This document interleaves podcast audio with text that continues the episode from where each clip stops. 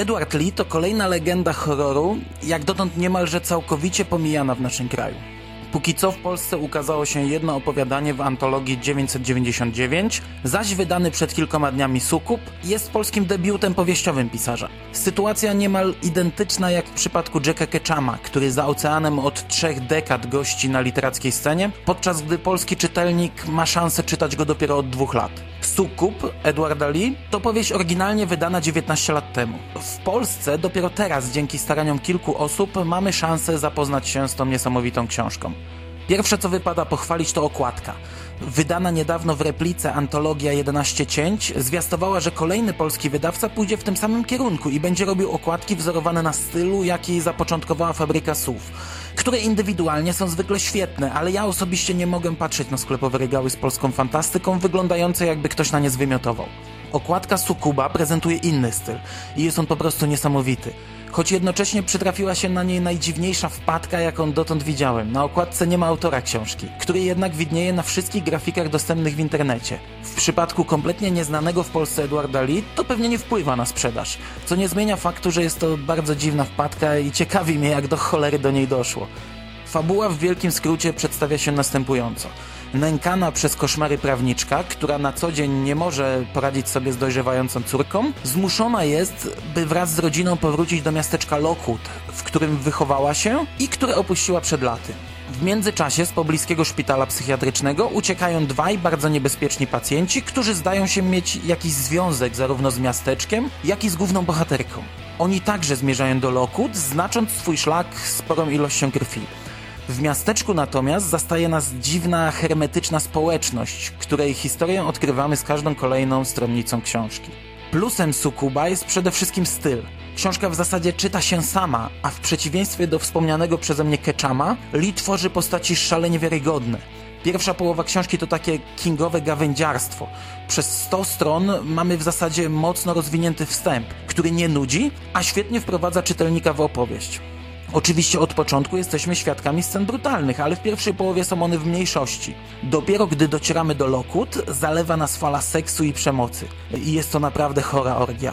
Z każdą kolejną stroną książka przeobraża się w opowieść e, no pornograficzną.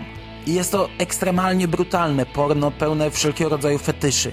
Książkę czytałem głównie w autobusie jadąc do pracy i naprawdę czułem się dziwnie otoczony przez rodziców moich uczniów.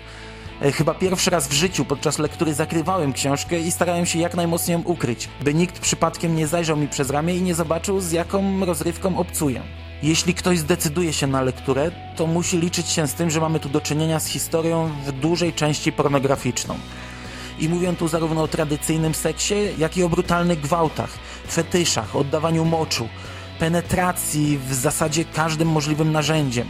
Rękoma, ogromnymi wibratorami, szkłem, nożami, e, wszelkie upokorzenia, gwałty na mężczyznach.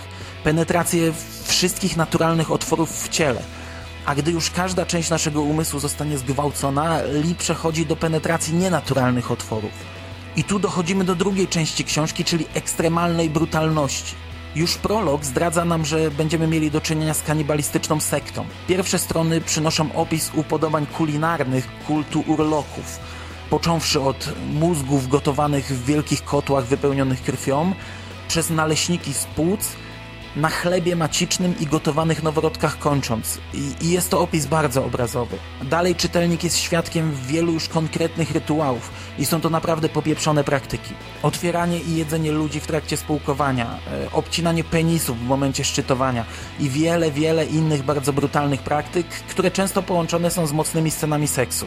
Jedyne co w moim odczuciu odróżnia sukuba od brutalności Keczama to realizm. Ketchum pisze książki, które nie są horrorami, a dramatami. W przypadku Edwarda Lee mamy jednak ten czynnik nadprzyrodzony. Sukuby to demony, przybierające oblicza pięknych kobiet i kuszące mężczyzn we śnie. I właśnie takim klimatem wyróżnia się ta książka. Czytelnik wie, że wszystkie wydarzenia mają miejsce w rzeczywistości, ale bohaterowie książki doświadczają je w większości we śnie. I sen miesza się tutaj bardzo mocno z rzeczywistością. W zasadzie cała powieść ma taki klimat majaków, yy, przez co nie uderza aż tak mocno realizmem. Główna bohaterka niemalże do ostatnich stron nie wierzy w to, co ją otacza. Oczywiście jest też kilka scen szalenie realistycznych, na których samo wspomnienie mam ciarki i jeżą mi się włosy. Na wstępie powiedziałem o świetnym stylu, ale wypada też zaznaczyć, że jest to historia w zasadzie bez żadnych niespodzianek. Już sam prolog zdradza nam większość tajemnic. Jest to świetne wprowadzenie, które doskonale spełnia swoją rolę, ale ma też swoje minusy. Gdy wreszcie docieramy wraz z bohaterami do miasteczka Lockwood, nie ma tam żadnej tajemnicy. Bohaterowie odkrywają historię miasteczka i jego mieszkańców, a czytelnik jedynie śledzi te wydarzenia. W finale autor przygotował jeden twist, ale moim zdaniem to też niczym nie zaskakuje. Tak naprawdę mniej więcej od połowy książki można już oczekiwać dwóch opcji i jasne było, że opowieść potoczy się jednym z tych torów. Lee wybrał ten mniej oczywisty z zamiarem zaskoczenia czytelnika, ale jednocześnie mam wrażenie, że jest to trochę mniej logiczna opcja. Byłbym jednak niesprawiedliwy, gdybym nie zaznaczył, że finał książki no jest jednym z lepszych zakończeń, jakie czytałem. Początek powieści porównałem do Kinga, ale końcówka to całkowite przeciwieństwo Kingowych finałów. Ilość stron kurczy się w ogromnym tempie, przy czym cały czas wydaje się, że jest jeszcze mnóstwo spraw do zamknięcia. Ostatnia strona epilogu to natomiast prawdziwa perełka. Naprawdę, lepiej się tego zamknąć nie dało.